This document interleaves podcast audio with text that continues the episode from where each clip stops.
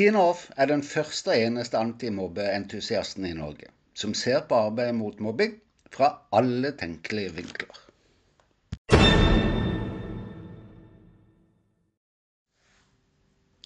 Jeg sitter her og lager en forklaringsvideo om de ulike offentlige stillingene som er involvert i mobbesaker. Og først da, når hver funksjon og rolle er notert ned, så blir det jo klinkende klart vi har etablert et ressursoverforbruk som overgår alle andre typer saker jeg kjenner til. Nærmest en fanatisme. Det skulle tilsi en evne til å kunne håndtere hver mobbesak kjapt, treffsikkert og i fellesskap eller samarbeid. Men slik er det jo ikke. Klart vi kan snakke om det, og velkommen til episode én i sesong to. Først så må jeg få lov til å ønske deg et godt nytt år. Jeg håper det har starta greit for deg. Som antimobbeentusiasten så starta 2022 i et rakettempo med avreise 2.1, e-møter på veien, bokstavelig talt, avlastning i dokumentasjonsskriving for foreldre på natta.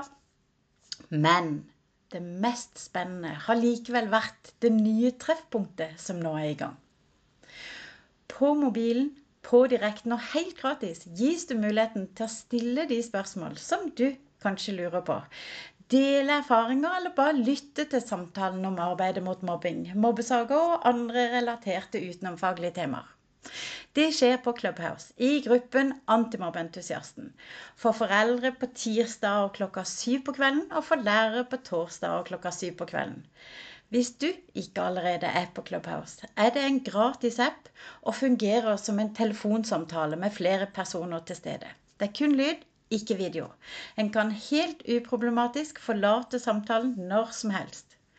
Målet mitt da er å støtte og gi drahjelp når du måtte trenge det. Og nå er det endelig i gang. Joho! Jeg håper du stikker innom og finner ut om det er noe for deg også. Clubhouse Antimobbeentusiasten, foreldreprat på tirsdag og lærerprat på torsdag i Dagsrevyen-tiden. Kom til vårt rause og romslige miljø. Ok, tilbake til dagens tema. Hvor mange voksne trengs egentlig i mobbesaker? La oss ta en titt på antallet voksne involvert i disse sakene. For det første, gangen i mobbesaker er jo todelt. På den ene sida er det selve saksbehandlinga, og på den andre det som skjer med og rundt eleven. Alt starter med elevens erfaringer og opplevelser med mobbing. Altså at det er andre barn og unge involvert. Men det teller jo ikke her. Jeg bare nevner det. Kanskje dukker den aller første voksne opp her. F.eks. en våken lærer som følger med og fanger opp mobbinga. I hvert fall trengs det en voksen person fra nærmiljøet rundt eleven som gjør skoleledelsen eller rektor oppmerksom på at mobbingen muligens pågår, for at det i det hele tatt registreres en sak. Det betyr altså minimum to voksne involvert. Den som melder ifra, og rektor. Når saken registreres, skjer det hos en designert ansatt i skolen ofte. F.eks. en sosiallærer. Det igangsettes en undersøkelsesdel der gjerne kontaktlærer og kanskje et par andre ansatte involveres. Altså minimum to voksne til. Kontaktlærer og én til. Det kalles inn til møte med hjemmet, der det varierer hvem som stiller fra skolen. La oss holde oss til dette minimumet, da. Men rektor og kontaktlærer er et minimum som møter foreldrene. Og som vi vet, så teller jo foreldre maksimalt to personer. Altså to voksne nye involvert. Enda så er det ikke så vanlig at fastlegen hentes inn. Men legen kommer gjerne inn på et eller annet tidspunkt, så jeg inkluderer en voksen til allerede her. Etter hvert som saker pågår, informeres gjerne elevens øvrige lærere om det som skjer. Kanskje trekker spesialpedagogen inn, muligens en miljøassistent, ja, og kanskje en helsesøster. Det er minimum fire voksne til.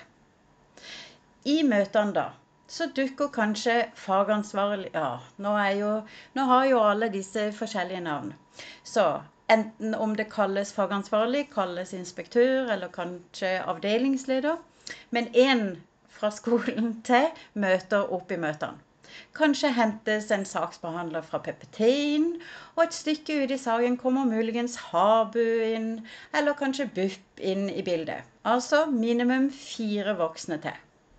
Når fokuset rettes vekk fra barna, så saken har pågått lenge, og fokuset skyves fra barnet og over på foreldrene, altså når saker spisser seg til, kan fort nok en representant fra BUP komme på banen, som en foreldreveileder da. Skoleeier kan komme på banen. Noen, har, noen kommuner har en BUF-ordning som kan stille med en representant. Politiet kan etter hvert dukke opp. Barnevernstjenesten kan dukke opp. Og en representant fra et lokalt tverrfaglig organ kan også dukke opp. Og de heter også mange forskjellige ting, så jeg skal ikke prøve meg på å angi en av de engang. Eller flere helsepersoner på nivåer over fastlegen, men fortsatt i kommunen kan hentes inn. Skal vi være forsiktige og legge til fire voksne her? Vi gjør det. I tillegg kunne vi ha nevnt foreldres mulighet for bisitter, opprettelsen av kommunal koordinator, sakkyndige personer, statsforvalterrepresentant, UDIR og advokater. Det blir altså seks voksne til. Hele tiden er det mulighet for å hente inn elevombud og eller mobbeombud for en periode. Altså én voksen til. Til slutt slenger jeg på en spesialist utover de vi har nevnt. Forvarer saker i lang tid og barnet ikke får det bedre, men verre, i påvente av oss voksne som skal fikse opp, trengs jo en spesialist til barnet, må en vite, på et tidspunkt. Altså én voksen til. Kanskje kunne vi ha trukket inn flere lærere. UDIRs representant ved bruk av klageinstans nummer to, domstolen ved prøving for retten eller aktører som antimobbentusiasten. Men jeg gjør ikke det her. Så hvor ender vi opp da? Har du holdt tellinga? Vi snakker om et minimum av voksne, offentlige ansatte, på 21 personer. 19 av disse, unnskyld, ikke offentlig ansatte, men totalt sett 21 personer. 19 av disse er utdannede personer, offentlig ansatt, som involveres i form av sin yrkeskapasitet. 19 personer.